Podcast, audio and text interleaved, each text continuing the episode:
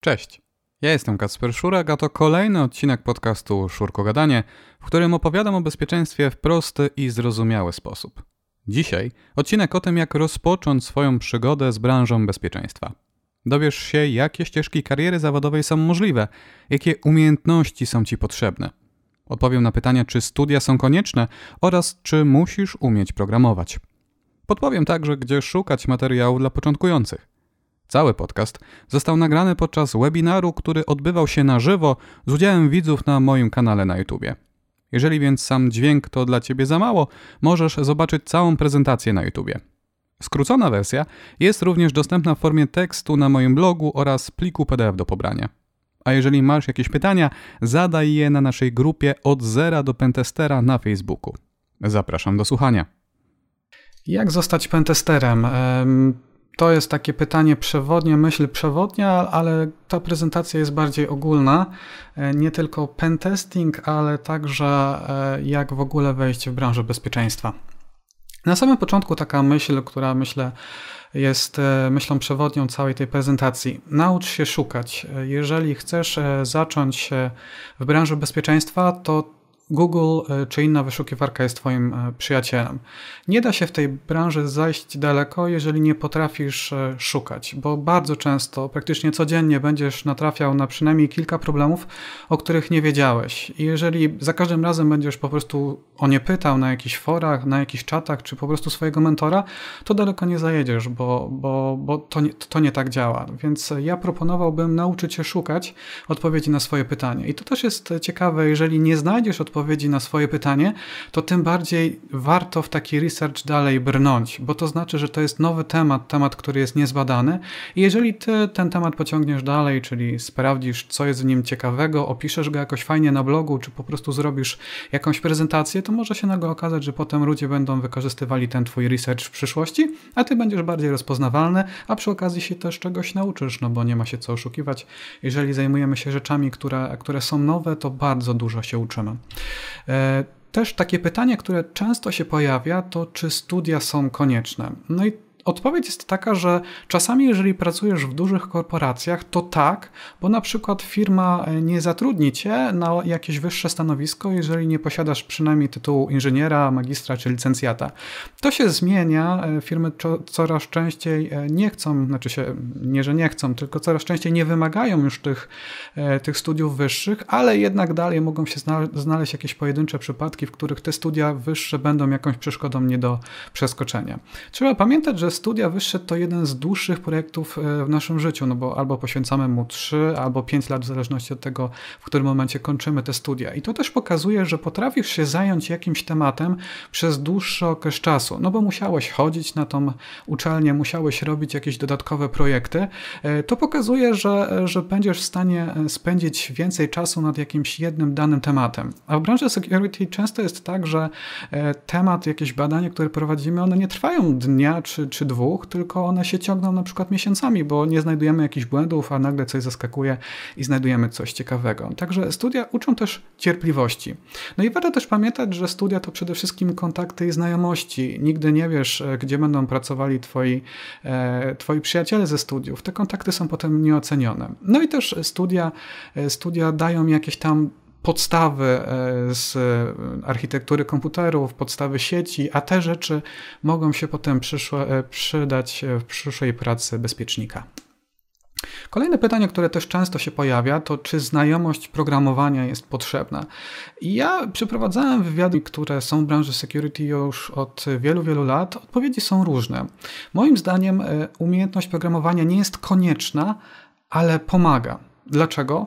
Bo jeżeli umiesz programować, to przede wszystkim będziesz potrafił pisać e, swoje własne narzędzia, czy też jakieś proste skrypty, e, które będą ci pomagały uprościć pewne zadania e, w przyszłości. No bo czasami ta praca pentestera jest po prostu żmudna, bo powtarzamy te same elementy ciągle, ciągle, tylko zmieniają się klienci.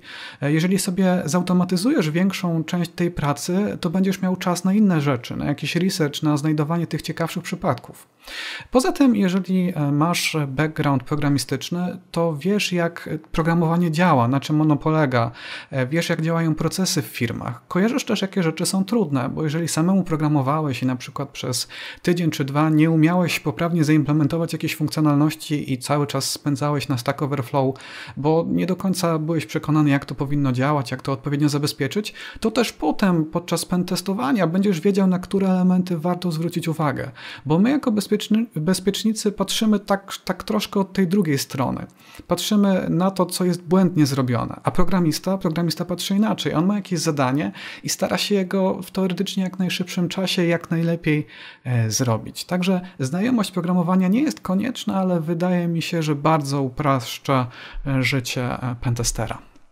No i jeżeli popatrzymy sobie na takie możliwe ścieżki kariery, to jest ich co, naj, co najmniej kilka. Ja tutaj w tej prezentacji przedstawię e, siedem tak naprawdę, z tym, że tej pierwszej, czyli pentesting, ona będzie taka najszersza, tutaj będzie też najwięcej tipów, e, no bo to też jest najpopularniejsza forma e, wchodzenia jakby do działu bezpieczeństwa. Ale też trzeba pamiętać, że jeżeli pentesting, czyli poszukiwanie błędów w aplikacjach głównie webowych Ci się nie spodoba, no bo na przykład po prostu nie wiem, nie nadajesz się do tego, to też warto pamiętać, że to nie zamyka ci drogi do branży bezpieczeństwa, bo ona jest dość szeroka i może odnajdziesz się w innych aspektach, e, które na przykład nie interesują innych ludzi. A więc e, po kolei pentest, czyli kontrolowany atak na jakiś system informatyczny. I tutaj zazwyczaj mowa tutaj o systemach webowych, no bo one są najpopularniejsze. Teraz praktycznie e, każda, każda firma posiada co najmniej kilka, kilkanaście serwisów wewnętrznych, zewnętrznych i one głównie opierają się na infrastrukturze webowej.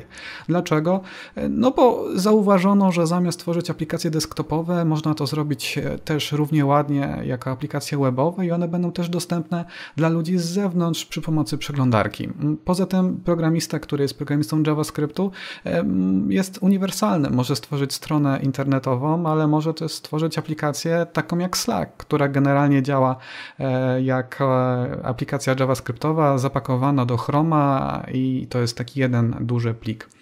E, exe, które wykonujemy na swoim komputerze. No i teraz, jeżeli chcielibyśmy się zająć pentestingiem, to wydaje mi się, że trzeba mieć pewne podstawy, takie rzeczy, bez których dalej ciężko nam będzie ruszyć. No i moim zdaniem to jest jakaś tam podstawowa obsługa Windowsa i też Linuxa z naciskiem na Linuxa. No bo my w codziennym życiu Zajmujemy się głównie, większość z nas korzysta z Windowsa, ale dużo narzędzi, które będziesz używał podczas swojej przyszłej pracy jest napisane tylko i wyłącznie na Linuxa, więc jeżeli nie znasz takich podstawowych komend jak ls, cd, nie potrafisz ustawić uprawnień, nie potrafisz e, zainstalować jakiś paczek, no to po prostu sobie dalej nie poradzisz, więc takie, taka podstawowa obsługa systemu operacyjnego. Potem też taka podstawowa wiedza na ten temat, jak działa sieć, e, jak działa ping, e, jak działa routing, co to jest brama do domyślna, takie podstawowe rzeczy, jak działa HTTPS. I nie chodzi o to, żeby od razu sprawdzać i czytać, że w HTTPS-ie możemy używać e, kilku rodzajów szyfrowania.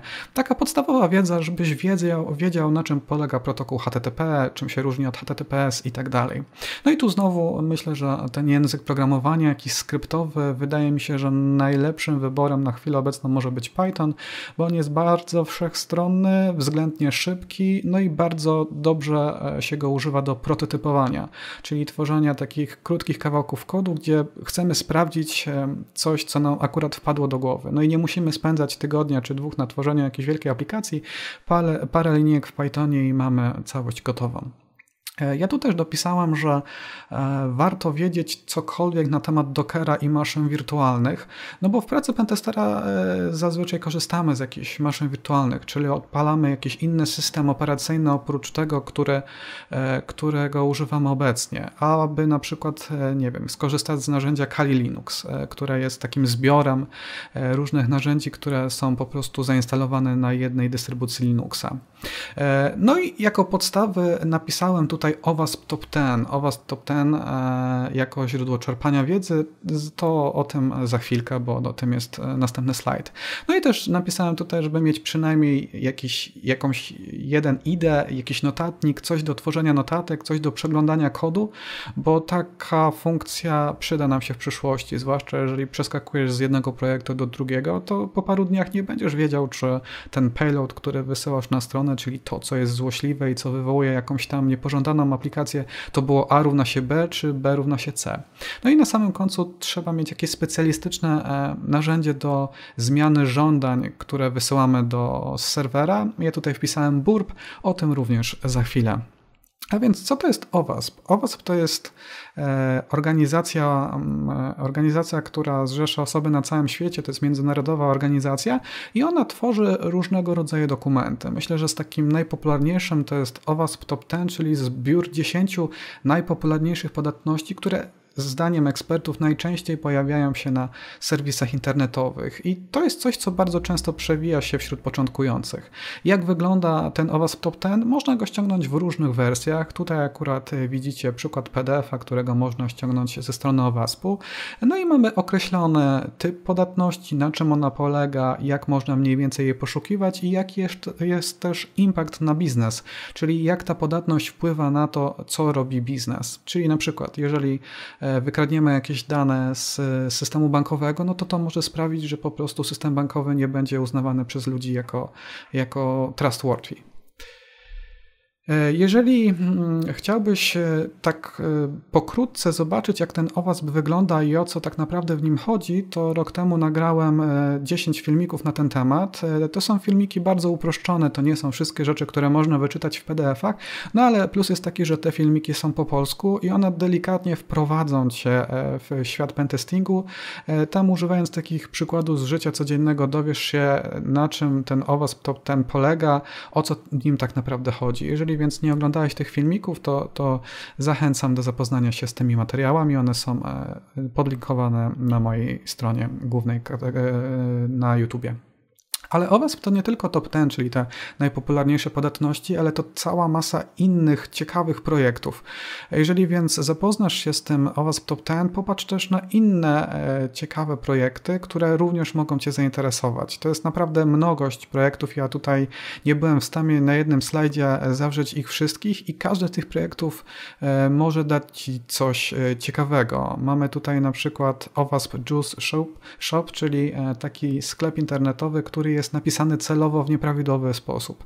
Mamy OWASP ZAP, czyli to narzędzie, które pozwala na modyfikację e, nagłówków, które wysyłamy do serwerów. E, mamy także specjalne standardy, które służą do zabezpieczania aplikacji mobilnych. Także warto się zapoznać z całą mnogością projektów, które OWASP dysponuje. No i tak jak wcześniej napisałem, musimy mieć coś, jakieś narzędzie, które będzie naszym głównym narzędziem pracy.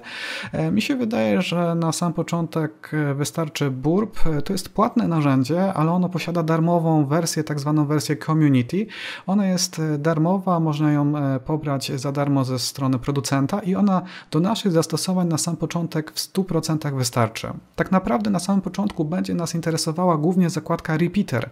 To jest ta zakładka, którą możecie tutaj zobaczyć na ekranie. Ona jest podzielona podzielona pionową kreską na dwie części. Po lewej stronie mamy żądanie, które będziemy modyfikować, a po prawej stronie mamy odpowiedź. I tak jakby podsumowując, na czym polega praca pentestera, to wysyłamy zmodyfikowane żądania do serwera i patrzymy, jak zmienia się odpowiedź. Szukamy jakichś nieprawidłowości, jakichś błędów, które e, pojawiają się po stronie serwera. E, no i jeżeli już poczytasz ten OWASP Top 10, zainstalujesz tego burpa, e, to warto by było zacząć od razu od praktyki. Czyli czytamy sobie na przykład o tym, co to jest atak XSS i mniej więcej jak można go szukać, a potem próbujemy od razu przeskoczyć do poszukiwania tego w praktyce. I do tego na sam początek e, dobrze nadają się takie aplikacje Vulnerable by Design. One są napisane przez programistów celowo źle, czyli w tych aplikacjach znajduje się dość spora liczba podatności i one bardzo dobrze właśnie e, wprowadzą cię w ten świat pentestingu, czyli jeżeli poczytasz sobie o XSS-ie, to na takiej stronie, na takiej aplikacji będzie ci e, dość prosto, dość szybko znaleźć e, swój pierwszy błąd, a jeżeli znajdziesz swój pierwszy błąd, to może zaskoczysz, złapiesz bakcyla i będziesz chciał szukać kolejnych. A jeżeli ci się nie uda, to zawsze możesz popatrzeć na rozwiązania tych maszyn, bo zazwyczaj one są projektowane w taki sposób, że nie tylko udostępnia się kod źródłowy takiej maszyny, ale też mamy dostęp do rozwiązań, czyli autor podaje, gdzie znajdują się błędy, dlaczego te błędy występują i jakie można znaleźć. E, tych aplikacji jest e, sporo, one są napisane w różnych językach, bo trzeba pamiętać, że jeżeli testujemy aplikacje internetowe, no to korzystamy z różnych frameworków, z różnych języków programowania i różne języki testuje się też w różny sposób. Troszkę inaczej będziemy podchodzili do aplikacji napisanych w PHP,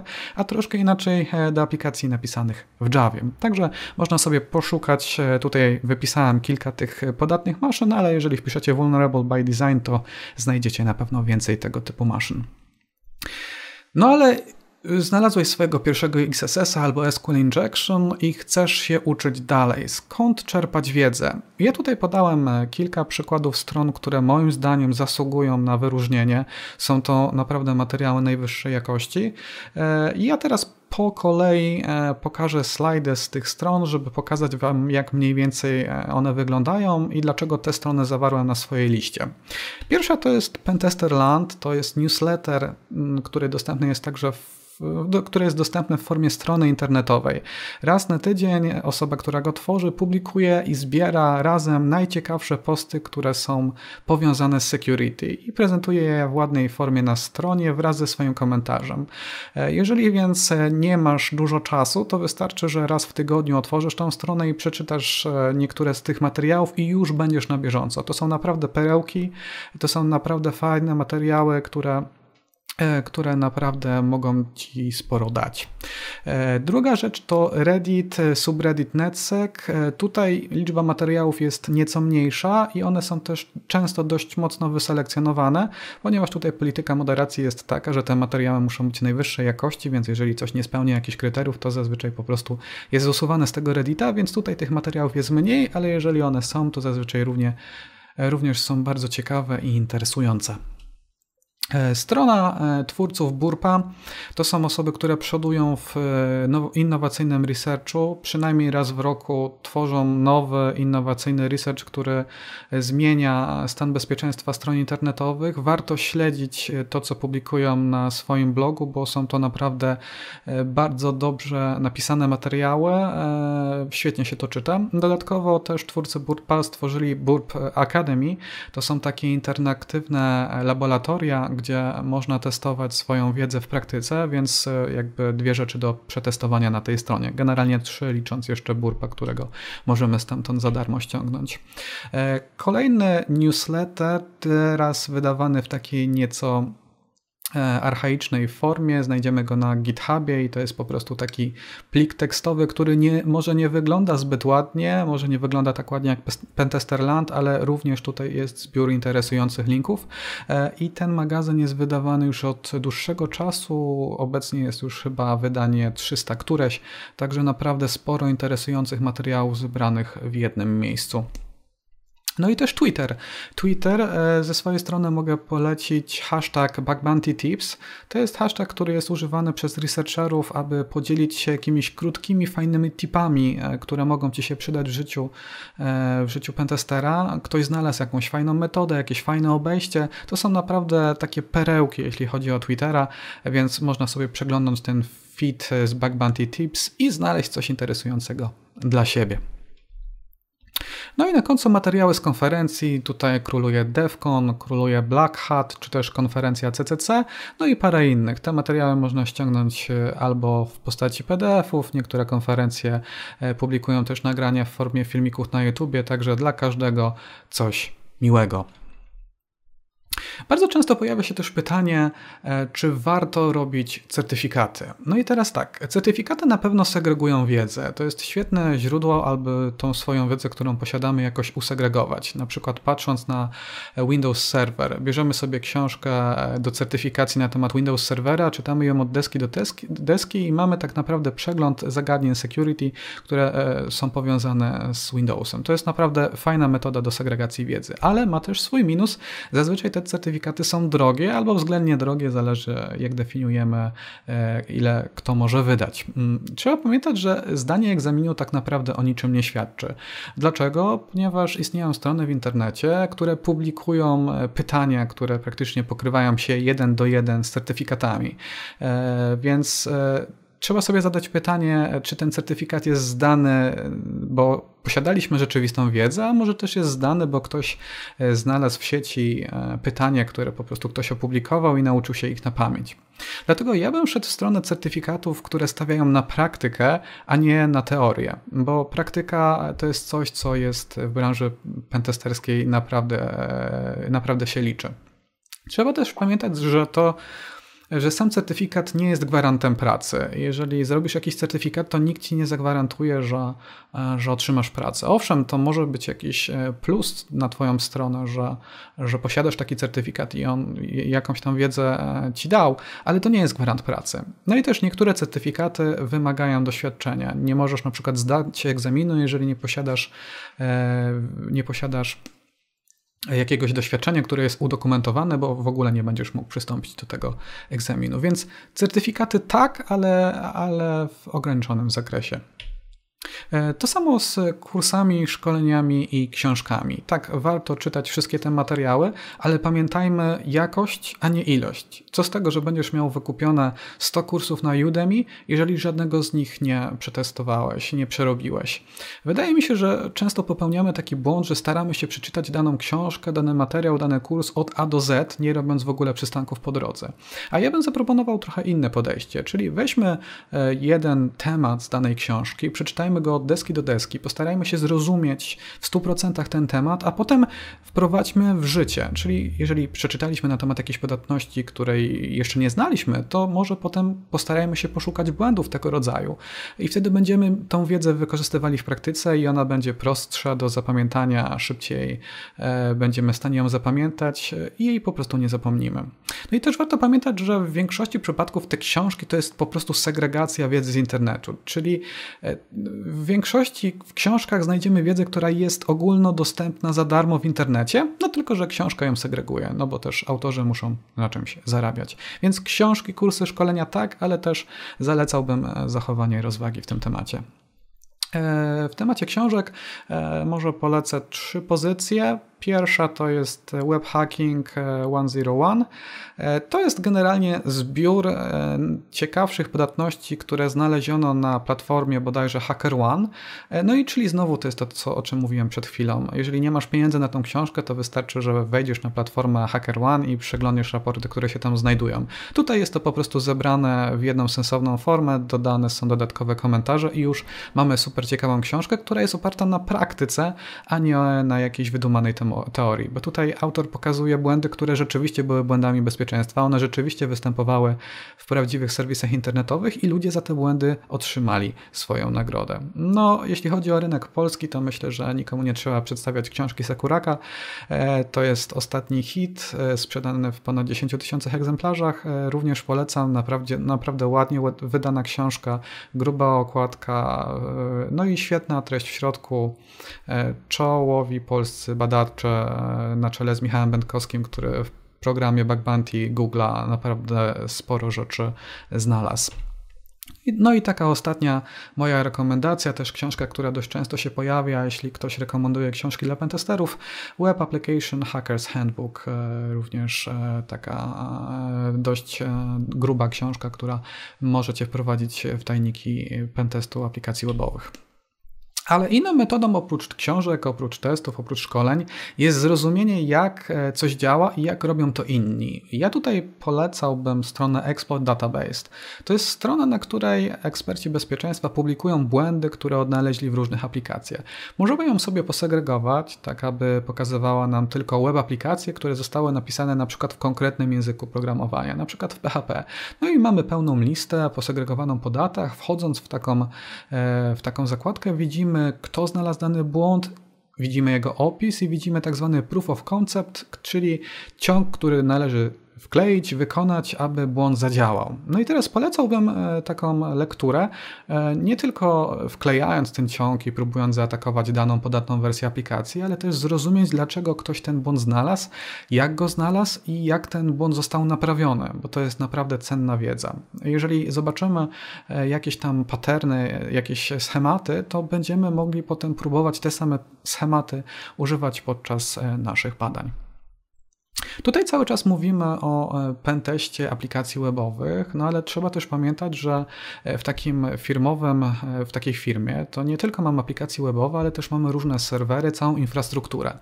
No i w teście infrastruktury próbujemy zaatakować serwery i także relacje, które są między nimi. No bo to nie jest tak, że wszystkie serwery są dostępne dla użytkowników z internetu. Niektóre są serwerami wewnętrznymi, do których możemy się dostać tylko jeżeli mamy dostęp do sieci firmowej. No jeżeli przeprowadzamy ataki na infrastrukturę, to tutaj oprócz znajdowania błędów dochodzą też dodatkowe elementy. Czyli na przykład najpierw atakujemy aplikację X, znajdując e, błąd RC, który pozwala na zdalne wykonanie kodu.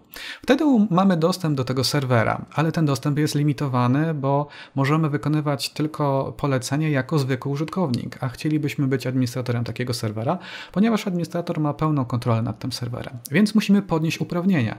To jest kolejna rzecz, która się pojawia podczas pentestów infrastruktury, której generalnie nie było podczas e, pentestu aplikacji webowych, podnoszenie uprawnień. A potem też musimy przejść z serwera X do serwera Y e, i znowu atakować e, kolejne serwery, aby uzyskiwać jakieś ciekawsze informacje. A więc mamy podniesienie uprawnień, mówiąc w języku potocznym, jak zostać administratorem. No bo my, jeżeli korzystamy z komputera na co dzień, to zazwyczaj na koncie jakiegoś zwykłego użytkownika.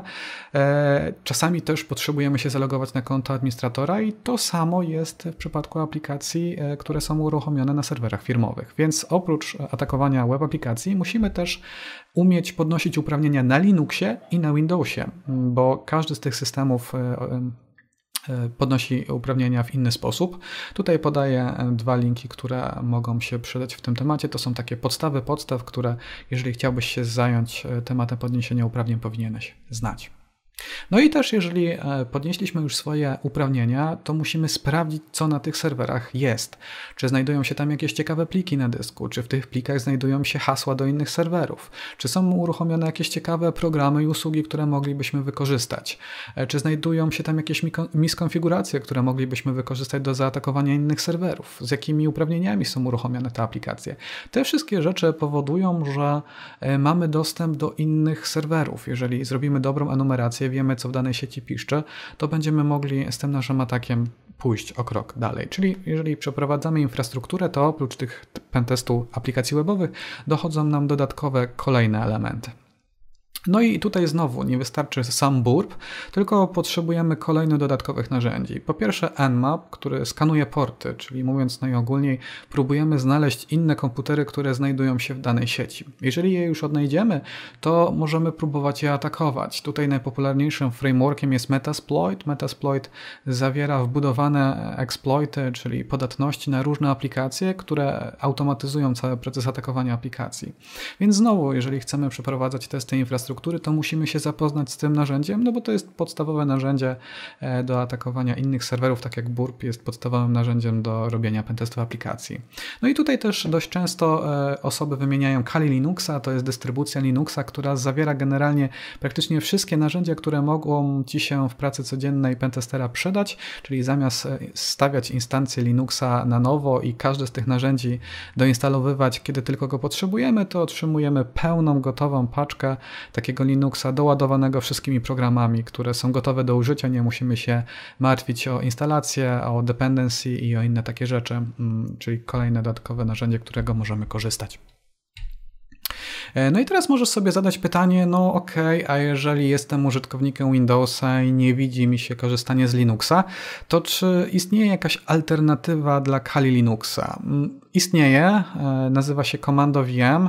E, ona wygląda mniej więcej tak. Tutaj w najnowszej wersji udało się twórcom uruchomić Kali Linuxa pod Windowsem bez maszyny wirtualnej, ale trzeba pamiętać, że to rozwiązanie nie jest tak popularne jak Kali Linux i to traktowałbym bardziej jako formę eksperymentu, żeby zobaczyć, że rzeczywiście się da, ale jednak do takiego pentestu zalecałbym zwykłego Kali Linuxa, który jest najpopularniejszy. Przynajmniej na samym początku, kiedy jeszcze nie wiemy, jak to wszystko działa razem. Mówiąc o infrastrukturze, e, żeby zrozumieć, jak się atakuje serwery, musimy ćwiczyć.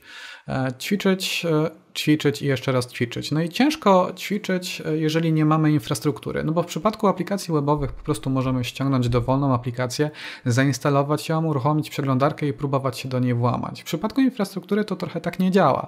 No bo często infrastruktura opiera się na tym, że ktoś źle skonfigurował jakiś port, albo zapomniał e, dodać jakieś linijki do pliku konfiguracyjnego, albo użył słabego hasła. No i ciężko jest przygotować samemu taką infrastrukturę. Dlatego warto skorzystać z gotowych e, maszyn, które są dostępne w internecie. Jednym z ciekawszych serwisów, który agreguje takie maszyny jest Hack the Box. E, tam mamy dostępne kilkanaście maszyn, które e, właśnie symulują takie e, środowisko firmowe, czyli mamy jakiś komputer, który posiada jakąś podatność i próbujemy najpierw zaatakować go, a potem podnieść swoje uprawnienia do roota.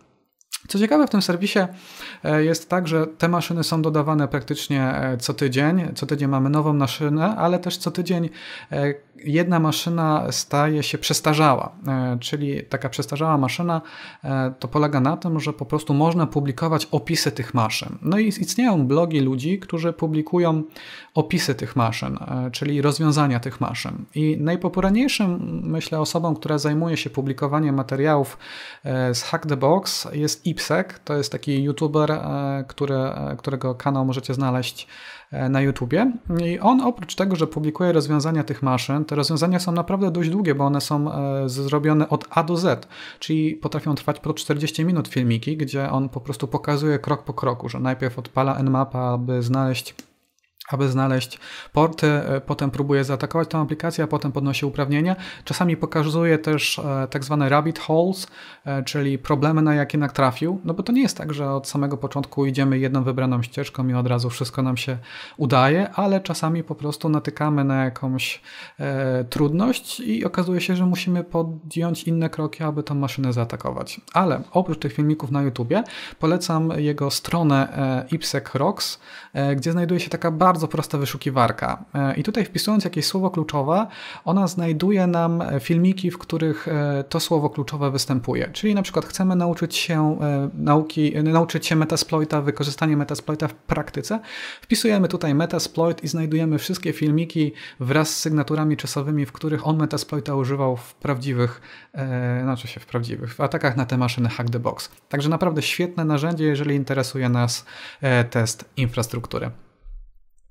E, no i też e, polecam OSCP, e, aczkolwiek to już jest płatne rozwiązanie, to jest generalnie certyfikacja. Certyfikacja, która opiera się na laboratorium, czyli kupujemy dostęp do laboratorium na 30, 60 albo 90 dni. I to laboratorium to jest symulacja maszyn w firmie, czyli mamy różne maszyny, które są w jakiś sposób ze sobą połączone. I my próbujemy te maszyny zaatakować. Często jest tak, że te maszyny mają jakieś relacje pomiędzy sobą, czyli nie możemy od razu dostać się do maszyny X, bo najpierw musimy uzyskać dostęp do maszyny Z, bo na maszynie tej znajduje się na przykład login i hasło w pliku tekstowym, który pozwoli nam na zalogowanie się do tej innej maszyny. Czyli to jest taka symulacja tego, co możemy napotkać e, w życiu, e, w prawdziwym życiu. E, minusy tego rozwiązania, ten kurs jest dość drogi, ale jest rozpoznawany przez większość firm. Dlaczego? Ponieważ na samym końcu, jeżeli jeżeli zakończymy to laboratorium, jest egzamin. I egzamin jest praktyczny. E, polega on na tym, że próbujemy przez 24 godziny włamać się do określonej ilości maszyn. E, teraz wprowadzili taką kontrowersyjną nieco decyzję, że cały ten egzamin jest nadzorowany. Czyli w momencie, gdy my siedzimy przy swoim komputerze domowym i próbujemy zaatakować tę infrastrukturę, cały czas mamy włączoną kamerę internetową i ktoś po drugiej stronie sprawdza, czy nikt nam nie podpowiada. E, to teoretycznie ma sprawić, że ten certyfikat będzie e, cieszył się jeszcze większym szacunkiem, no bo w przeszłości był taki problem, że ludzie po prostu sobie podpowiadali, no bo nikt nas nie nadzorował, więc mogliśmy po prostu z kimś pisać na czacie i ktoś nam mógł po prostu podpowiadać. Teraz ten problem został znacząco wyeliminowany więc jeżeli, e, jeżeli zastanawiasz się nad jakimś certyfikatem, który jest powiązany z pentestami infrastruktury, to rozważyłbym OSCP, no tylko trzeba pamiętać, że to jest droga zabawa, ale w zamian za to dostajemy solidną dawkę wiedzy e, i też certyfikat, który jest w jakiś sposób rozpoznawany. Tylko pamiętajmy też, że e, motywem przewodnim OSCP jest try harder. Często natkniesz się tam po prostu na bezsilność, nie będziesz wiedział, co robić dalej. Jeżeli zapytasz na forum, to ludzie odpowiedzą, odpowiedzą ci próbuj dalej, próbuj e, mocniej.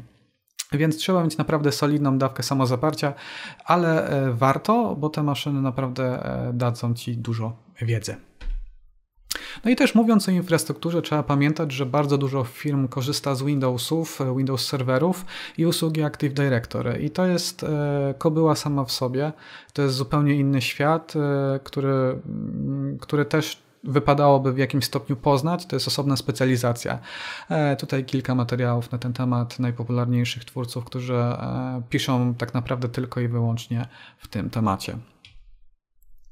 Jeżeli mówimy o pentestingu, to trzeba też wspomnieć o dwóch podejściach. O podejściu black box i o podejściu white box. Blackboxowe, czyli to, o którym wcześniej wspominałem, czyli mamy jakiś dostęp do jakiejś strony internetowej próbujemy ją po prostu zaatakować, ale nie mamy dostępu do kodu źródłowego. I to jest sytuacja, którą najczęściej będziesz się spotykał w swoim życiu prywatnym, e, kiedy będziesz brał udział w programach Bug Bounty, bo mało która firma po prostu udostępni ci swój kod źródłowy. Ale z drugiej strony mamy też podejście white box, kiedy mamy dostęp do kodu źródłowego, i zamiast e, próbować strzelać z tymi atakami na ślepo, możemy zobaczyć kod źródłowy i sprawdzić, czy programista nie popełnił e, jakichś błędów w tym kodzie źródłowym. I to jest dużo prostsze i może przynieść dużo lepsze rezultaty, ale jest też trudniejsze, no bo znowu, żeby szukać błędów w kodzie źródłowym, to musimy posiadać e, wiedzę programistyczną danego języka, żeby wiedzieć, jak on działa i żeby wiedzieć, czego tak naprawdę szukamy. No i może sobie pomyśleć, no dobra, mówisz tutaj o e, whiteboxie, ale skąd my mamy brać kod źródłowy aplikacji, które moglibyśmy przetestować e, na samym początku? No i tutaj e, myślę, że trzeba pomyśleć o projektach open source'owych, o GitHubie.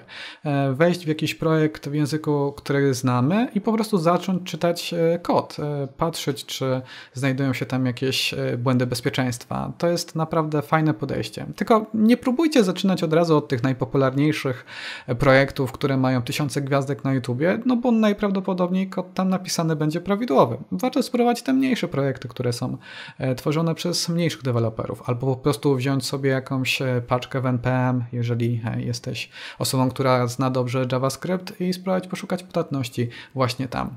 Mamy dostęp do kodu źródłowego, a jeżeli znajdziemy jakiś błąd, to możemy go równocześnie od razu naprawić, no bo możemy przecież wysłać pull requesta do właściciela strony, a on może go zmerdżować do mastera.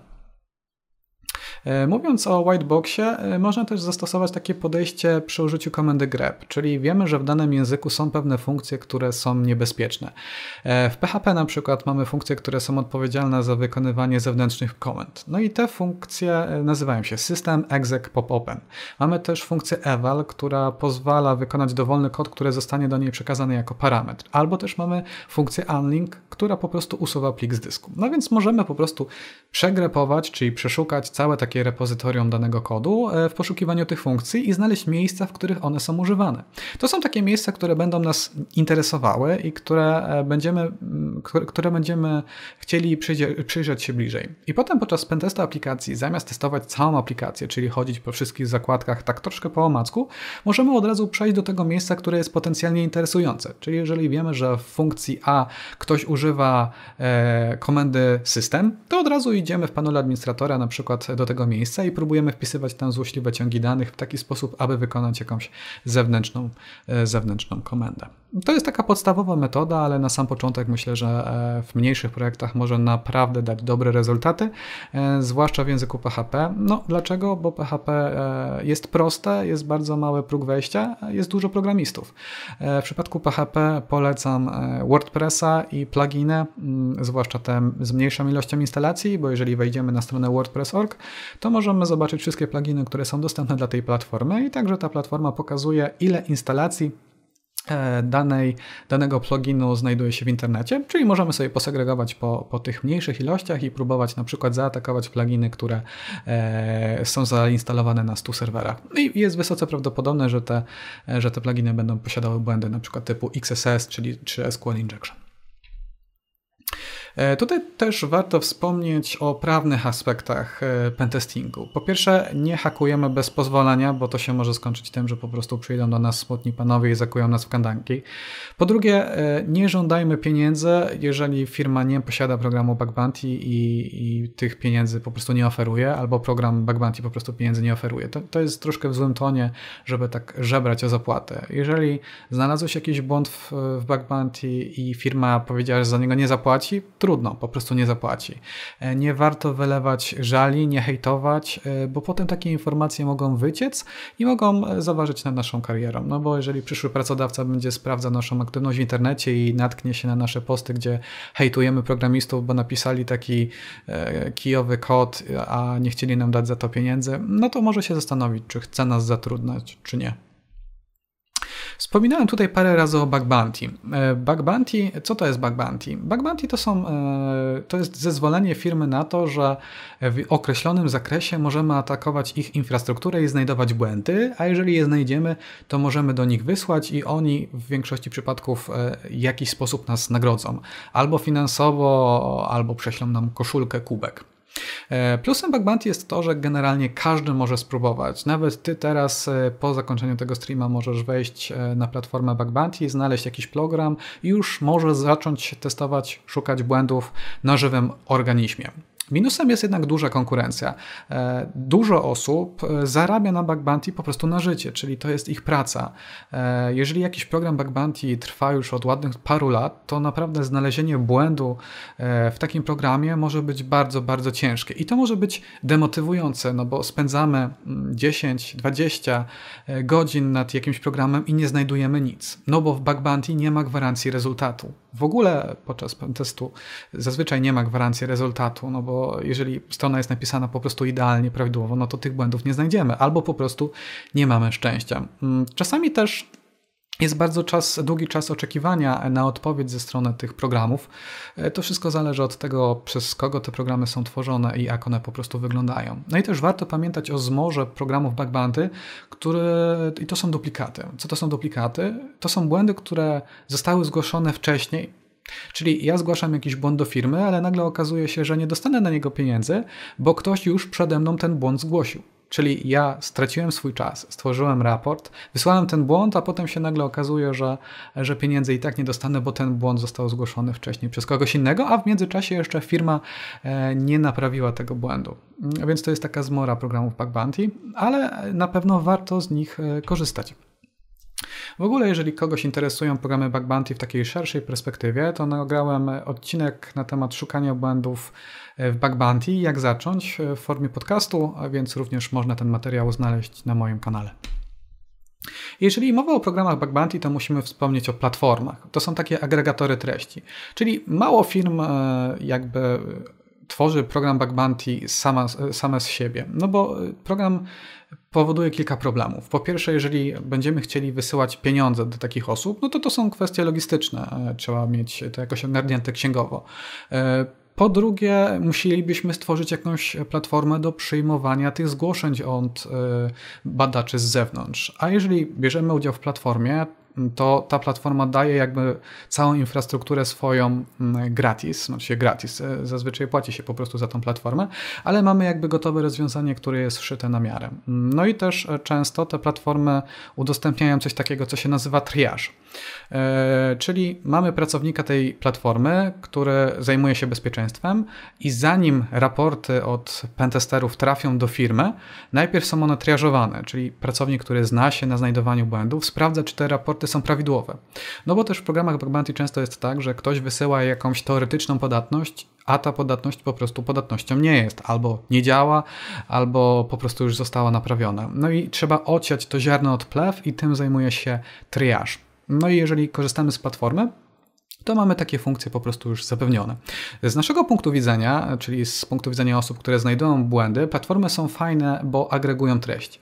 Czyli jeżeli wejdziemy sobie na przykład na hackerone.com, to widzimy listę programów, które są dostępne na tej platformie. Możemy wejść na każdy ten program, nie musimy ich szukać w internecie. Od razu widzimy jaki jest zakres, od razu widzimy jak szybko odpowiadają na e, zgłoszone etykiety, od razu widzimy czy płacą za błędy, a jak płacą to e, w jakiej e, ilości. E, I to wygląda, e, znaczy plusem, plusem Bug Bounty także z naszego punktu widzenia jest to, że e, niektóre programy pozwalają na udostępnienie, późniejsze udostępnienie oczywiście po naprawieniu błędów, informacji o tym błędzie. Czyli jeżeli ja znalazłem jakiś błąd i on został naprawiony, to mogę poprosić firmę o to, o to, żeby e, ten błąd stał się publiczny. I w tym momencie mamy taką listę błędów, które zostały znalezione na tej platformie w różnych programach. No i to jest też świetne źródło informacji, bo znowu patrzymy, jak znalazł błąd ktoś. E, widzimy konkretnie e, jego myślenie, mm, czyli super źródło informacji dla tych, którzy chcieliby zobaczyć, jak pracują inni. E, możecie się zastanawiać, czy jakieś polskie firmy biorą udział w programach Bug Bounty. E, tak, na przykład Allegro jakiś czas temu otwarło swój program Bug Bounty e, i on również jest dostępny na HackerOne. Mm, tak samo OLX również posiada swój program Bug Bounty i on również jest na HackerOne, więc przynajmniej dwa takie przykłady polskich firm, które biorą udział w programach Bug Bounty. No i teraz wspominając o programach Bug Bounty, trzeba powiedzieć o zakresie, bo to jest bardzo istotne. Firma daje nam mm, możliwość testowania swojej infrastruktury, ale w pewnym określonym zakresie. Czyli na coś nam pozwala, ale czegoś nie możemy robić. Czyli zanim zaczniemy atakować e, strony, sprawdźmy na co ta firma pozwala jakie domeny można atakować. Możemy też sprawdzić za co płaci, no bo jeżeli jesteśmy już nieco bardziej zaawansowanymi użytkownikami, no to nie chcielibyśmy tracić swojego czasu na podatności, które znajdziemy, a za które nikt nam nie zapłaci. No i najważniejsze, trzeba sprawdzić, czego nie wolno. No bo w większości programów na przykład nie wolno wykonywać ataków socjotechnicznych. Czyli na przykład nie wolno wysyłać e, maili z phishingiem, gdzie próbujemy podszyć się e, pod jakąś inną stronę i wyłudzić dane do logowania panelu administracyjnego. Tego po prostu nie wolno robić. No i też warto tam sprawdzić, czy nie znajduje się tam czasem infrastruktura testowa, bo niektóre programy owszem pozwalają na szukanie swoich błędów, ale tylko na specjalnej infrastrukturze testowej. Chodzi o to, aby nie psuć tej głównej strony, w której zazwyczaj zarabia się pieniądze, tylko psuć tą stronę, która została przystosowana do tego celu. Mówiąc o programach Bug Bounty, trzeba też wspomnieć o części prywatnej. Prywatne programy to są programy, które nie są publicznie dostępne, których nie znajdziecie na tej wyszukiwarce, które znajdują się na tych stronach. Że prywatne programy to są programy na zaproszenie, czyli najpierw musimy uzyskać pewną reputację, czyli odnaleźć e, jakąś tam liczbę błędów, które są fajne i w którymś momencie zaczniemy dostawać prywatne zaproszenie. I to jest tak naprawdę klub programów Bug Bounty. Jeżeli popatrzymy sobie na amerykańskie przykłady, przykłady ludzi, którzy na programach zarabiają miliony, to okazuje się, że oni tych programów nie zarabiają na publicznych programach, no bo tam bardzo ciężko jest znaleźć e, jakieś ciekawe błędy, ale zarabiają te pieniądze na prywatnych programach, bo tam zazwyczaj jest większy zakres, jest mniejsza konkurencja, albo też po prostu firma płaci więcej za błędy znalezione w taki sposób. Czyli, jeżeli chcesz zacząć z programem Bug Bounty, e, najpierw zacznij od programów, które e, są e, nowe, które nie płacą. Spróbuj zdobyć doświadczenie, zdobyć punkty w rankingu, a możesz czasem uzyskasz prywatne zaproszenia, które pozwolą ci na bardziej lukratywne, na atakowanie bardziej lukratywnych stron, które w dłuższym okresie czasu mogą pozwolić ci na zarobienie jakichś pieniędzy. Ale nie tylko, e, jeśli chodzi o bug bounty, nie musimy się skupiać tylko i wyłącznie na platformach. Można też użyć e, Google'a, na przykład wyszukując frazę Security Hall of Fame, bo niektóre firmy e, nie tyle wysyłają nam kubki, czy wysyłają nam pieniądze, ale po prostu dopisują nas do takiej listy, do takiego rankingu, że dziękujemy osobie XYZ za to, że znalazła błąd bezpieczeństwa. No i to jest taki dodatkowy wpis w CV, który możemy sobie na przykład na LinkedInie czy w naszej CVC wpisać, że znaleźliśmy błąd w takiej firmie. No i dodatkowo, jeżeli taka strona ma taką galerię sław, to najprawdopodobniej posiada też program Bug Bounty. E, no i jeżeli ten program Bug Bounty nie znajduje się w tych agregatorach, czyli w tych najpopularniejszych platformach, to jest spora szansa, że będzie prościej znaleźć e, błąd e, na takiej stronie. Oczywiście mm, prościej albo nie prościej. Jeśli mówimy też o programach Bug Bounty, warto pamiętać o rekonesansie, który jest kluczowy, bo jeżeli zakres definiowany jest z wildcardem, czyli z gwiazdką z przodu, na przykład gwiazdka.szurek.pl, to oznacza tylko tyle, że firma pozwala nam na atakowanie wszystkich subdomen szurek.pl na przykład. Problem w tym, że oni nam nie podają tych subdomen, albo podają nam nie wszystkie. Jeżeli w jakiś sposób znajdziemy domenę, której nikt przed nami nie znalazł, to istnieje spora szansa, że znajdziemy tam aplikację, aplikację, która jest podatna na jakieś ciekawe błędy. Czyli rekonesans, czyli odnajdywanie tych ciekawych funkcjonalności, tych ciekawych domen, tych nowych możliwości, tak naprawdę zwiesza, zwiększa nasze prawdopodobieństwo na sukces. Bo jeżeli natrafimy na coś, na jakąś funkcjonalność, na którą nikt inny nie trafił i przetestujemy ją odpowiednio dobrze, no to może się okazać, że, e, że jest e, duża szansa powodzenia, czyli znalezienie jakichś błędów. E, no i warto pamiętać o tym, że tak jak we wszystkim e, liczy się specjalizacja, czyli nie próbujmy łapać e, stus rok za ogon i uczyć się o wszystkim i wszystkiego, ale weźmy jeden temat, jeden konkretny temat, produkt, funkcję, język, cokolwiek i stańmy się w tym ekspertem taki sposób zwiększamy swoje prawdopodobieństwo e, sukcesu w programach Bug Bounty. No bo nie musimy się znać na SQL Injection, wystarczy, że znamy się tylko na XSS-ach i będziemy szukać błędów typu XSS. Ale jeżeli znamy się i specjalizujemy się w tego rodzaju błędach, to możemy znaleźć takie wektory ataku, na które nikt inny nie wpadł. No i takim przykładem na przykład jest e, Brute Logic, to jest osoba, która specjalizuje się tylko i wyłącznie w XSS-ach. Cały jego blog to tak naprawdę są e, triki, sztuczki, które służą tylko do ataków XSS. Ktoś mógłby powiedzieć, no ale przecież XSS to jest po prostu wykonanie zewnętrznego kodu JavaScript w obrębie danej domeny. No tak, tylko że metod, w jaki sposób możemy uzyskać tą podatność jest wiele, więc specjalizacja to naprawdę potężne narzędzie, jeżeli chcemy chcemy brać e, udział w pentestach na poważnie. Ale warto też powiedzieć o tym, że szukanie błędów to połowa pracy. Tą drugą, można powiedzieć, że gorszą, w zależności od tego, jak podchodzimy do tematu, jest raport. Czyli nie tylko znajdujemy błędy, ale musimy potem te błędy w jakiś sposób opisać. I to też opisać tak, żeby ta osoba po drugiej stronie zrozumiała, co my do niej mówimy. No bo co z tego, że, że my wiemy, jak działa XSS, ale osoba po drugiej stronie może tego nie wiedzieć? Co z tego, że my wiemy, że nie powinno się używać funkcji X, bo ona prowadzi do Y? Musimy wytłumaczyć to osobie po drugiej stronie. Tak samo w programach Bug Bounty. Co z tego, że znajdziemy błąd? Musimy też go opisać, tak żeby ta osoba po drugiej stronie, która triażuje te raporty, wiedziała, czy ten raport jest prawidłowy, czy nie. No i jeśli mowa o raportach, to, to one powinny być dość rozbudowane. Może nie do przesady, ale powinny zawierać co najmniej kilka punktów. Po pierwsze, opis. Po drugie, jak to znaleźliśmy. Po trzecie, obowiązkowo proof of concept, czyli ten ciąg znaków, który sprawia, że błąd to błąd. E, dodatkowo czasami może się okazać, że ten błąd działa tylko w określonych przypadkach. Na przykład, jeżeli użytkownik jest e, tylko określonego typu konta. E, warto też podać impact na organizację, czyli jak ten rodzaj błędu może wpłynąć na funkcjonowanie danej firmy.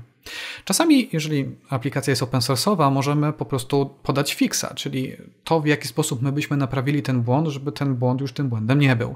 E, jeżeli znajdujemy jakąś podatność, która jest e, mało znana, warto zadać e, sobie trud i dodać referencje do zewnętrznych źródeł, które tłumaczą ten typ podatności. No bo akurat możemy natrafić na osobę, która nie jest zaznajomiona z tą typem podatności i po prostu nas nie zrozumie.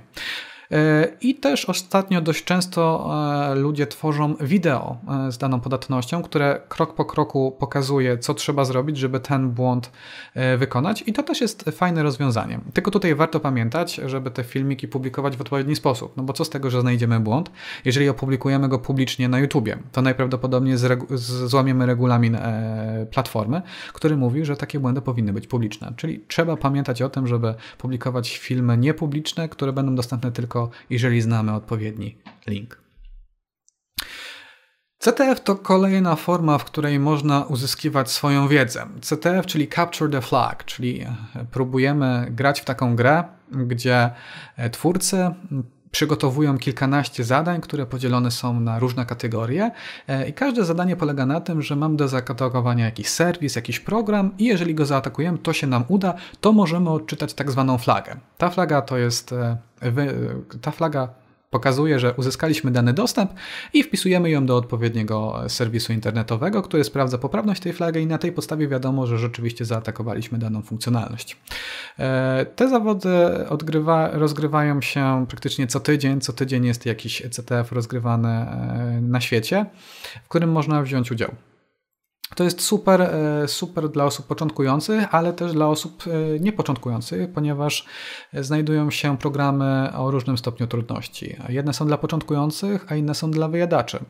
E, można też przetestować swoje umiejętności pod presją czasu, bo te programy odbywają się w jakichś konkretnych ramach czasowych, zazwyczaj w weekend, zaczynają się w piątki, a kończą się w niedzielę, więc możemy zobaczyć, jak działamy pod stresem. Często też w tych zadaniach wykorzystuje się nowy research, więc można tam znaleźć ciekawe podatności, które są jeszcze mało znane. No i można też nauczyć się pracy w grupie, bo samemu w CTF gra się bardzo ciężko, ponieważ podczas takiego typowego CTF-a mamy do rozwiązania kilkanaście lub kilkadziesiąt zadań. Sami nie jesteśmy po prostu fizycznie w stanie rozwiązać wszystkich z nich. Poza tym każdy ma jakąś swoją specjalizację. Ja na przykład e, mogę się zajmować aplikacjami webowymi, a inna osoba może się zajmować kryptografią. Ciężko jest być dobrym ze wszystkim, e, we wszystkim. Więc e, można spróbować dołączyć do jakiegoś zespołu lub stworzyć własny, skrzyknąć swoich kolegów z akademika i stworzyć team CTF-owe i spróbować w taki CTF zagrać. W Polsce e, mamy team Dragon Sector i team P4, które są światową czołówką i są w stanie wygrywać największe zawody CTF-owe na świecie, więc jak widać dla chcącego nic trudnego. CTF-y są dobre jeszcze z tego względu, że po zakończeniu teamy zazwyczaj publikują rozwiązania tych zadań. Czyli jeżeli spędziliśmy dwa dni, żeby rozwiązać jakieś zadanie i nam się nie udało e, i chcemy wiedzieć, jaki tam błąd, jaka podatność, jak ją znaleźć, to nagle się okazuje, że wystarczy wejść na stronę ctftime.org, to jest strona, która indeksuje wszystkie te zadania CTF-owe, wejść do zakładki e, Write-ups i tam widzimy wszystkie rozwiązania, które zostały opublikowane przez te teamy. E, I to archiwum jest naprawdę duże. Strona jest jeśli chodzi o tą wyszukiwarkę, taka sobie, ale naprawdę ilość materiałów, które można tam znaleźć jest ogromna, więc znowu kolejna metoda na naukę. CTF-y i write-upy do CTF-ów, bo nic tak nie uczy jak własne porażki. Warto też wspomnieć, że nie tylko aplikacje webowe, ale też aplikacje na telefony Teraz praktycznie każdy z nas posiada telefon i na każdym z telefonie zainstalowanych jest co najmniej kilkanaście aplikacji. A to jest kolejna odnoga pentestów, bo też aplikacje na telefonach testuje się w inny sposób. No bo musimy mieć dostęp na przykład do telefonu. W przypadku iPhone'a bardzo często trzeba by go było jailbreakować, czyli uzyskać dostęp roota. I to znowu jest problematyczne, bo musimy mieć telefon, który ma odpowiednią wersję oprogramowania, na którą jest e, podatny exploit. E, więc znowu, jeżeli ktoś chciałby się zająć akurat tą dziedziną, e, to polecam polecam przede wszystkim OWASP Mobile Security Testing Guide. To jest taki zbiór, e, jak testować e, aplikacje mobilne na Androida, również od OWASP-u. Czyli kolejna odnoga, odnoga, nie tylko aplikacje internetowe, ale także aplikacje na telefony. No i też e, na samym końcu, jeśli chodzi o infrastrukturę, e, to też e, nie sposób nie wspomnieć o infrastrukturze clouda, czyli mamy AWS-a, i Google'a. No i tutaj znowu ciężko jest szukać podatności w konfiguracji tych platform, jeżeli się nie znamy na, na tych platformach cloudowych, czyli generalnie wypadałoby mieć przynajmniej pojęcie na temat tego, jak działa cloud i tutaj znowu Polecałbym firmy, które tworzą kursy, które są bardziej praktyczne niż teoretyczne, no bo ciężko się nauczyć pracy na cloudzie, jeżeli nie będziemy wykonywali tych komend w linii komend, jeżeli nie będziemy znali tych rzeczy, które są powiązane z cloudem. E, w przypadku, e, jeżeli już posiadamy wiedzę na temat clouda i chcielibyśmy zobaczyć, jak to wygląda od tej strony security, e, to jest coś takiego, co się nazywa Cloud Goat. To jest podatna infrastruktura, znowu by design, którą po prostu możemy sobie przetestować. Mm, jeśli chodzi o osoby z Polski, to Paweł Rzepa Rzepski na Medium ma rozwiązania całego tego Cloud Goata, więc można zobaczyć, jak wygląda to od tej strony Mm, security. Czyli jeżeli chciałbyś się zająć infrastrukturą, to może y, fajnie, zajmij się infrastrukturą, ale popatrz sobie, jak wygląda to od strony security, e, bo to jest zupełnie inna rzecz. Jeśli chodzi o e, blogi, które mógłbym polecić e, powiązane z cloudem, to wydaje mi się, że Rhino Security to jest e, firma, która tworzy najlepszy research, jeśli chodzi o cloud. Naprawdę to, co oni tutaj tworzą, jest naprawdę warte przeczytania, zwłaszcza jeżeli interesujecie się AWS-em. Czyli podsumowując, patrzmy jak robią to inni, e, bo to pozwala nam e, uzyskać najlepszą wiedzę. E, kolejnym przykładem takiego, takiej nauki przez przykład jest patrzenie na publikacje innych, na publikacje pentestów. Jak może wyglądać taki raport z pentestów? No bo myślę, że sporo osób z Was zastanawia się, no dobrze, no opisałeś już trochę jak wygląda ten pentest, ale jak, pentest, jak wygląda raport? Okazuje się, że sporo firm publikuje e, niektóre ze swoich raportów publicznie. Ostatnio na przykład Sekurak z naszego polskiego podwórka opublikował e, pentest aplikacji Eventory, która służy do tworzenia eventów różnych konferencji, więc można sobie zobaczyć, jak wygląda opis takich podatności, jak powinien wyglądać taki idealny raport. Jeśli chodzi o zagranicznych twórców, to polecałbym Cure53, to są panowie z Niemiec, które którzy e, naprawdę tworzą świetnej jakości research i oni też e, pentestują publiczne, open source'owe, duże projekty, e, więc można zobaczyć, jak wygląda poszukiwanie błędów bezpieczeństwa w takich projektach, które no, teoretycznie powinny być już naprawdę dobrze zabezpieczone. Więc w tych publikacjach zazwyczaj znajdują się nowego rodzaju podatności albo podatności, których zazwyczaj nie spotkacie nigdzie indziej. Także polecam.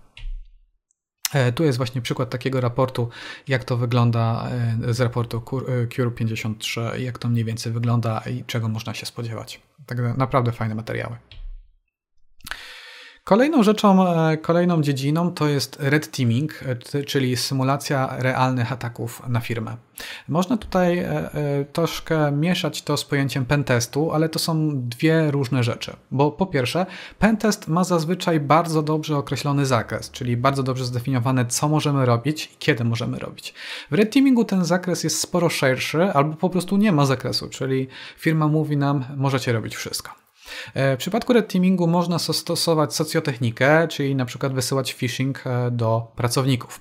W przypadku pentestu praktycznie nigdy tego robić nie można. W przypadku pentestu liczy się zazwyczaj ilość błędów, Tutaj natomiast nie ma znaczenia, czy znajdziemy 10 błędów czy 100, liczy się efekt końcowy, czyli to, czy złamiemy, przełamiemy zabezpieczenia firmy i czy na przykład włamiemy się fizycznie do tego budynku firmy, albo też czy włamiemy się po prostu do danego serwera. Czyli generalnie w red teamingu weryfikujemy zabezpieczenia dużej korporacji. Bardzo, fajna, bardzo fajnie opowiada o tym Marcin Ludwiszewski, który jest e, szefem teamu w Deloitte, który zajmuje się właśnie e, red teamingiem. Jeśli nie słuchaliście tego wywiadu, to bardzo serdecznie go polecam. E, jest dostępny w Spotify, ale także na YouTubie. Jeżeli ktoś woli czytać, to jest też transkrypcja na moim blogu. Także można się dowiedzieć dużo ciekawych rzeczy, między innymi jak ta praca wygląda od środka. E, drugą osobą, która zajmuje się tak troszkę red teamingiem w Polsce jest Paweł Maziarz. Jeżeli patrzymy sobie na jego Twittera, to nagle zobaczymy zdjęcie takie jak to, gdzie e, widzimy bardzo dużą liczbę różnych urządzeń, które służą do ataku. Mamy tam na przykład Wi-Fi Pineapple, który służy do ataku sieci Wi-Fi. Mamy Proxmarka, który służy do klonowania badży, które e, służą nam do wejścia do firm. Mamy Rubber Ducky, które symuluje klawiaturę i pozwala na bardzo szybkie ataki gdy ktoś zapomni zablokować komputera, pójdzie do ubikacji, a my w tym międzyczasie możemy zainfekować jego komputer.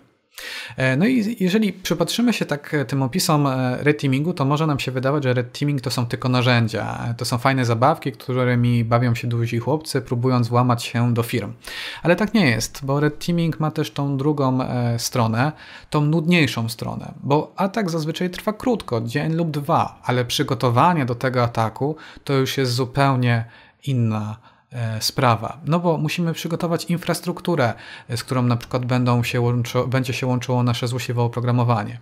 Musimy przygotować e, template'y do socjotechniki. Musimy zrobić rekonesans, czyli sprawdzić, gdzie firma ma budynki, jak ma zabezpieczone serwery, jakiego narzędzia używa.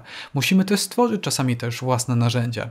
Więc tutaj Red Teaming uczy cierpliwości, więc również osoby, które cierpliwe nie są, mogą po prostu nie nadawać się do tej pracy. No i też ciężko jest za zacząć e, jako Red Teaming, jako pierwsza praca, no bo on to jest taki zlepek wszystkich umiejętności, o których mówiłem wcześniej, czyli musimy mieć taki mindset e, osoby, która się włamuje do firmy, a ciężko, e, ciężko się próbować włamać do firmy legalnie, jeżeli nie wiemy jak to zrobić, no bo nie posiadamy, nie posiadamy żadnej wiedzy z tego tematu. Bardzo fajnie prezentuje Red Teaming pan Deviant Olan, Olam, e, tutaj jest bardzo fajny film na YouTube, gdzie między innymi pokazuje, jak ten red teaming może wyglądać, czyli włamywanie się chociażby przez e, windy, ale też pokazuje, jak ten red teaming nie powinien wyglądać. Także bardzo ciekawa, e, ciekawy materiał do oglądnięcia. Mm, kolejną rzeczą, to jaka, jaką możemy się zajmować, jest analiza malware'u. No i tutaj e, chciałbym przestrzec wszystkich, bo o ile te wcześniejsze rzeczy może oprócz e, red teamingu można robić względnie bezpiecznie, bo po prostu siedzimy w naszym e, domu, używamy jakichś zewnętrznych narzędzi i atakujemy serwery, które nam na to pozwalają, to w przypadku malware'u, jeżeli uruchomimy coś źle, to po prostu nasze dane mogą zostać zaszyfrowane, możemy je po prostu stracić. Także tutaj, jeżeli chcemy się zająć malwarem, to zalecałbym daleko idącą ostrożność, czyli odpowiednio skonfigurowaną maszynę wirtualną, wyłączenie internetu, internetu i jeszcze parę innych punktów, tak aby zapewnić sobie bezpieczeństwo. Dlatego na samym początku, jeżeli rzeczywiście temat malware'u nas interesuje, e, warto zaczynać tą przygodę małymi krokami. No bo nie musimy uruchamiać plików na swoim komputerze. Istnieją serwisy, które e, publicznie uruchamiają te pliki w swojej infrastrukturze. To są tak zwane sandboxy, czyli my im wysyłamy plik, one ten plik w swojej zwirtualizowanej infrastrukturze uruchamiają, a nam udostępniają raport. I już na podstawie takiego samego raportu możemy zobaczyć, co się dzieje, bo ten raport w formie graficznej przedstawia nam, czy zostały stworzone jakieś pliki, e, czy zostały dodane jakieś wpisy do rejestru systemowego, e, czy zostały nawiązane jakieś połączenia z innymi stronami, czy zostały ściągnięte lub uruchomione jakieś inne pliki z internetu. Czyli zamiast na samym początku robić to na swoim komputerze, kiedy jeszcze nie do końca e, wiemy, jak ten malware działa, można zobaczyć, jak to działa w internecie, tak naprawdę bez ponoszenia żadnej większej odpowiedzialności.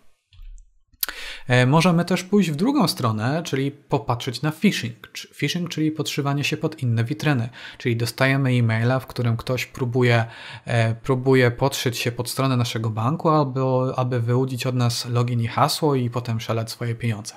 E, no i jeśli chodzi o phishing, jest bardzo dużo stron, które agregują tego rodzaju phishingi, e, na przykład FishTank czy OpenFish i po prostu możemy sobie poprzeglądać, jak takie strony wyglądają. Możemy zobaczyć, jak wygląda ich źródło. E, możemy zobaczyć, czym one się charakteryzują. To też da nam pewien ogląd na to, jak wygląda bezpieczeństwo od tego punktu widzenia, z którym spotyka się spora część użytkowników, no bo myślę, że praktycznie każdy użytkownik internetu prędzej czy później natknie się na jakiś phishing, który zostanie albo wysłany przy pomocy maila, albo po prostu zostanie na niego przekierowany przez jakieś złośliwe reklamy na stronach internetowych, albo po prostu wejdzie na niego z poziomu przeglądarki. E, jeżeli już e, będziemy e, wiedzieli, jak taki przykładowy phishing wygląda, możemy spróbować poszukać takiego phishingu samemu. Tutaj jednym z pomysłów jest użycie Certificate Transparency Log, czyli listy wszystkich wystawionych certyfikatów SSL. Z tego można skorzystać przy pomocy CertStream. To jest taka usługa, która agreguje te wszystkie certyfikaty i udostępnia nam je z poziomu prostego API. Można sobie przeprowadzić taki prosty eksperyment i podać tam jakieś słowo kluczowe, którego wyszukujemy. Na przykład w dzisiejszych czasach bardzo popularna, popularne, mm, popularny scam będzie się opierał na używaniu słowa kluczowego związanego z e, z bezpieczeństwem, ze zdrowiem. E, jeżeli więc wpiszemy takie słowo kluczowe e, tutaj, to zobaczymy, jak dużo domen używa słów z nim związanych i możemy znaleźć w taki sposób phishing. Czyli kolejna lekcja, jak zdobyć wiedzę na temat phishingu. E, jeśli chodzi o analizowanie malware'u, e, to trzeba sobie powiedzieć, że to nie są tylko pliki wykonywalne, ale to jest całe spektrum innych plików. Możemy mieć e, makra w Office, możemy mieć plik JavaScript, czy też plik VBS, czyli jeżeli chcesz się zająć analizą złośliwego oprogramowania, to może się okazać, że przyda Ci się bardzo szeroka wiedza takich języków, których na co dzień się nie korzysta. No bo czy jesteś ekspertem od makr w Office? No najprawdopodobniej nie. A nagle okazuje się, że, okazuje się, że przestępcy takie makra bardzo często używają. No ale jeśli mówimy o malware'ze, no to takim najczęściej podawanym przykładem analizy malware'u są te pliki wykonywalne, czyli pliki z rozszerzeniem exe, które po prostu dwa razy po kliknięciu w naszym komputerze się uruchomią, czyli to są te złośliwe pliki, które najczęściej omawia się w kontekście złośliwego oprogramowania. No i żeby zająć się nimi, no to musimy mieć przede wszystkim maszynę wirtualną, żebyśmy te pliki, jeżeli przez przypadek je uruchomimy, to uruchomili je w środowisku, które jest odizolowane od naszego e, normalnego komputera, no ale też musimy mieć jakiś program, który będzie te pliki interpretował. No bo to są po prostu bajty, które są zamienione na, na jakiś tam kod maszynowy. No i teraz e, obecnie istnieje co najmniej e, trzy różne alternatywy. Jest to AIDA, X64 Debugger albo Gidra. AIDA jest płatna i, i, dość dużo kosztuje. Posiada wersję darmową, ale ona ma pewne ograniczenia. X, X64 Debugger, e, program open source'owy i Gidra też open source, stworzone nomen omen przez NSA, mm, bardzo popularne w dzisiejszych czasach. Ja bym jeszcze do tego punktu dorzucił SysInternals Tools i Rohitab API Monitor. Dlaczego? No bo jeżeli popatrzymy sobie na taki malware, to tak naprawdę e, musimy sobie odpowiedzieć na pytanie, czym jest assembler, a czym jest dekompilacja do kodu, do pseudokodu. Po lewej stronie mamy assembler i to jest wyższy próg wejścia, ponieważ to jest język, którego się nie używa na co dzień, no bo zazwyczaj piszemy w językach wyższego poziomu, mowa tutaj o C, o C++, o Pythonie i tak dalej. A tutaj mamy kod maszynowy, który jest zrozumiały przez e, komputer przez e, CPU, ale dość trudny do zrozumienia przez, e, przez ludzi. Z drugiej strony mamy dekompilację, czyli próbę zamiany tego kodu maszynowego na kod zrozumiały przez osoby. Jeszcze parę lat temu e, jedynym narzędziem, które w jakiś tam sposób radziło sobie z tą dekompilacją był, była AIDA i dodatkowy plugin, który kosztuje bardzo dużo pieniędzy. Obecnie podobny efekt można z, użyć przy pomocy Gidry e, i to sprawia, że ten próg wejścia jest niższy, no bo e, w większości przypadków, jeżeli malware nie jest odpowiednio zaobfuskowany, to będziemy w stanie uzyskać kod, który jest podobny do kodu C albo do kodu C++ i będzie dużo czytelniejsze dla nas, dla ludzi do przeczytania i nie będziemy musieli się też dodatkowo uczyć assemblera, e, który no, może się nam nie przydać po prostu do niczego innego. Jeżeli popatrzymy sobie na taki malware, to e, w przypadku Windowsa okazuje się, że większość rzeczy realizowana jest przy pomocy API. API, czyli to są takie instrukcje, operacje, funkcje, które zostały już przygotowane przez twórców Windowsa. Czyli mamy na przykład API Create File, które pozwala nam na tworzenie pliku na systemie, e, w systemie Windows. I teraz, jeżeli twórca złośliwego oprogramowania chce stworzyć jakiś plik na Windowsie, to po prostu wykonuje to API z odpowiednimi parametrami e, i dzieją się jakieś rzeczy. Czyli taką najprostszą analizą dynamiczną, czyli kiedy uruchamiamy złośliwe oprogramowanie, może polegać na sprawdzaniu wywołań API. No i do tego może służyć m.in. API Monitor, e, gdzie definiujemy API, które nas interesują. Możemy wybrać na przykład tylko API, które w jakiś sposób modyfikują pliki na dysku, a potem uruchomić to e, złośliwe oprogramowanie na wirtualnej maszynie i sprawdzić, jakie API zostały wykonane. No i wtedy na przykład będziemy widzieli, że jeżeli jest to filecoder, czyli aplikacja, która, e, która szyfruje pliki na dysku, no to ona najpierw będzie odczytywała jakieś pliki na dysku, a potem będzie te pliki ponownie zapisywała, tylko już na przykład ze zmienionym rozszerzeniem. A na samym końcu będzie usuwała te e, wersje, żeby na dysku istniały tylko, mm, e, tylko wersje zaszyfrowane. Czyli taka podstawowa analiza może się opierać tylko i wyłącznie na wywołaniach API. Oczywiście ona nie zadziała we wszystkich e, przypadkach, zwłaszcza jeżeli mal malware jest bardzo skomplikowany, ale w tych podstawowych do takich zastosowań domowych, kiedy chcemy zacząć przygodę z malwarem, może to być ciekawe źródło wiedzy. Jeśli jednak chcielibyśmy się nauczyć assemblera, e, no to ja bym polecał książkę Reverse Engineering for Beginners. Ona jest dostępna pod adresem beginners.re. Mm, ona jest open source'owa, e, dość długa, e, dość fajnie wytłumaczona. No i została też przetłumaczona na kilka innych języków, więc to samo w sobie pokazuje, że jest popularny i stanowi naprawdę fajny materiał. Niestety nie ma jej w języku polskim, więc znowu, jeżeli ktoś chce się zająć security na poważnie, no to znajomość języka angielskiego, przynajmniej w tym stopniu komunikatywnym, żeby być w stanie czytać te materiały na internecie, jest konieczna.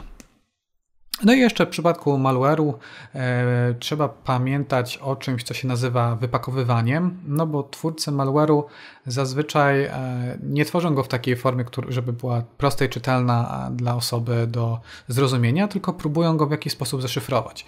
Czyli zanim dojdziemy do, tej rzeczywist- do tego rzeczywistego pliku, który rzeczywiście wykonuje te funkcje API, to najpierw musimy go wypakować. No i w przeszłości e, ta idea jest zaczerpnięta z, z z, z pakowania plików, kiedy to komputery miały mało pamięci na e, programy robiły się coraz większe, więc e, stwierdzono, że może można stworzyć taki packer, który sprawiłby, że rozmiar pliku wykonywalnego jest mniejszy, ale to wykonywanie aplikacji jest dłuższe. E, no i jeżeli chcielibyśmy nauczyć się wypakowywania takich aplikacji, e, no to takim mm, popularnym w przeszłości tutorialem był tutorial Leny 151, można go teraz zobaczyć na YouTubie.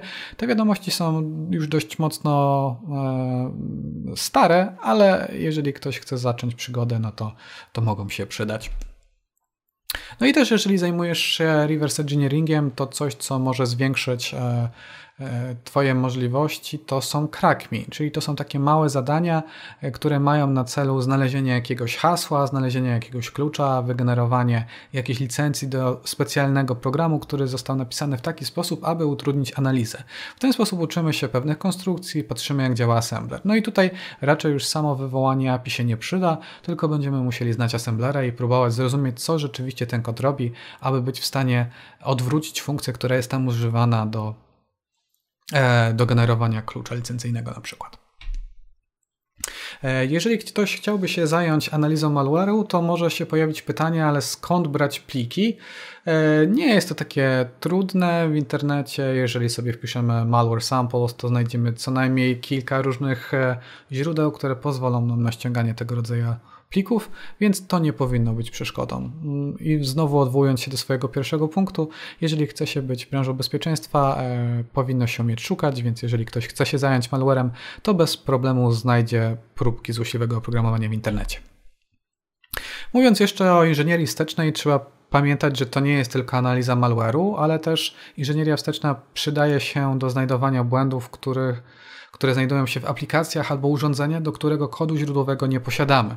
E, mowa tutaj głównie o urządzeniach IoT, o Windowsach i o iPhone'ach, no ale to już jest troszkę wyższa szkoła jazdy, więc myślę, że na pewno nikt nie będzie, nikt początkujący nie będzie zaczynał e, swojej przygody z bezpieczeństwem od szukania e, błędów w routerach albo w Windowsie. Kolejnym, kolejną rzeczą, która może się przydać, kolejną rzeczą, którą możemy robić, to jest praca w soku.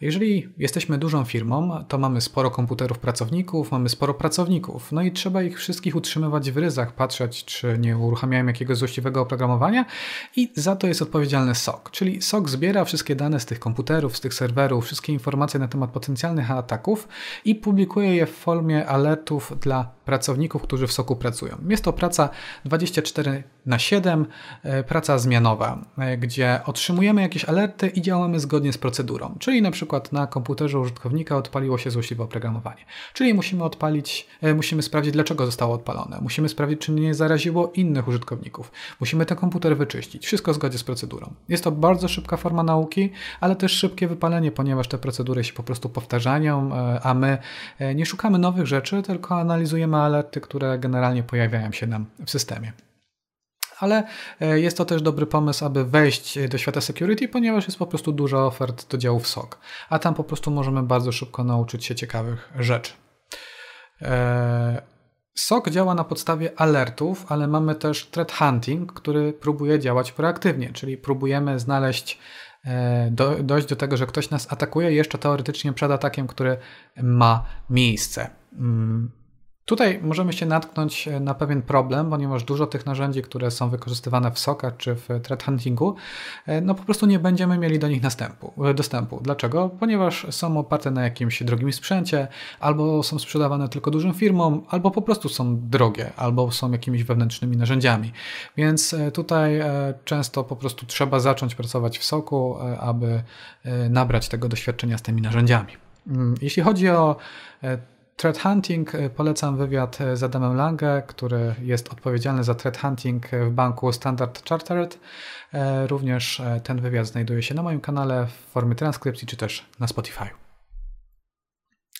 Jeśli chodzi o to threat hunting, no to próbujemy na przykład proaktywnie znaleźć osoby, które logują się za granicę i sprawdzić, dlaczego akurat logują się za granicę na komputery firmowe. No bo może po prostu ktoś zna ich hasło i próbuje się przy pomocy jakiegoś proxy połączyć z tym komputerem. Albo czy ktoś nie zarejestrował domeny, która jest łudząco podobna do nas, do naszej, no bo wtedy nasi użytkownicy mogą być narażeni na phishing. Albo też sprawdzamy, czy administrator nie wykonuje jakichś podejrzanych operacji, nie wykonuje jakichś operacji, które są większe od tych, które zazwyczaj wykonuje, no bo to może świadczyć o tym, że jego konto zostało przechwycone e, przez jakąś e, zewnętrzną osobę.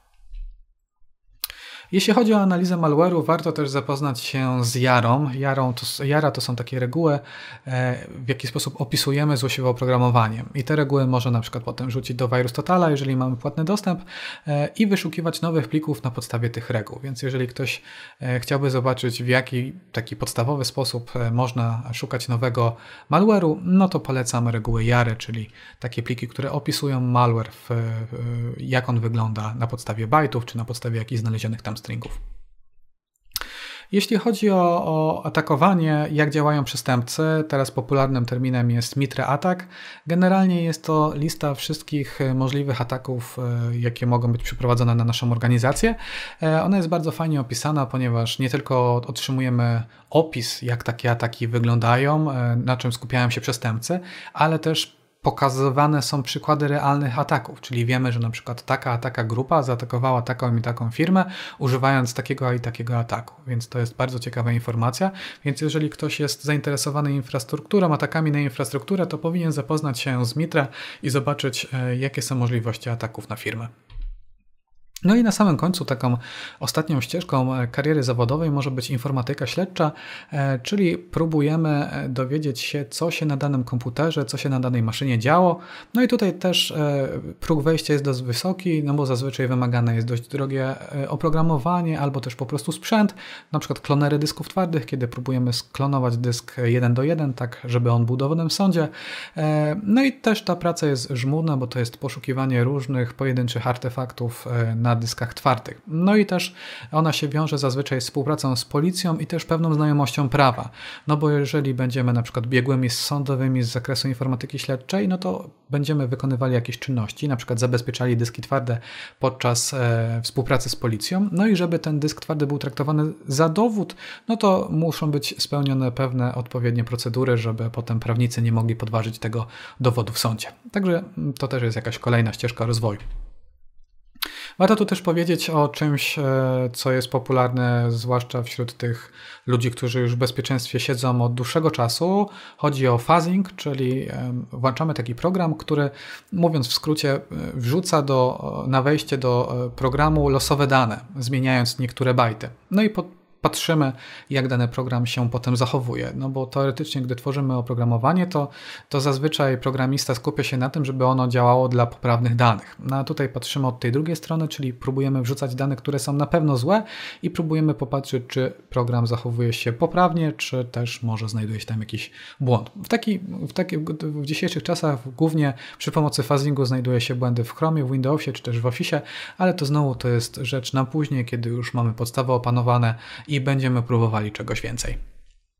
No i też ostateczna, ostatnia już e, forma e, rozwoju zawodowego to jest zgodność ze standardami, czyli przy pomocy pentestów sprawdzaliśmy e, stan faktyczny, ale przed stanem faktycznym są też jeszcze papiery, które trzeba wypełnić, czyli piszemy na papierze, że dana firma spełnia taki i taki standard i też są osoby za to odpowiedzialne.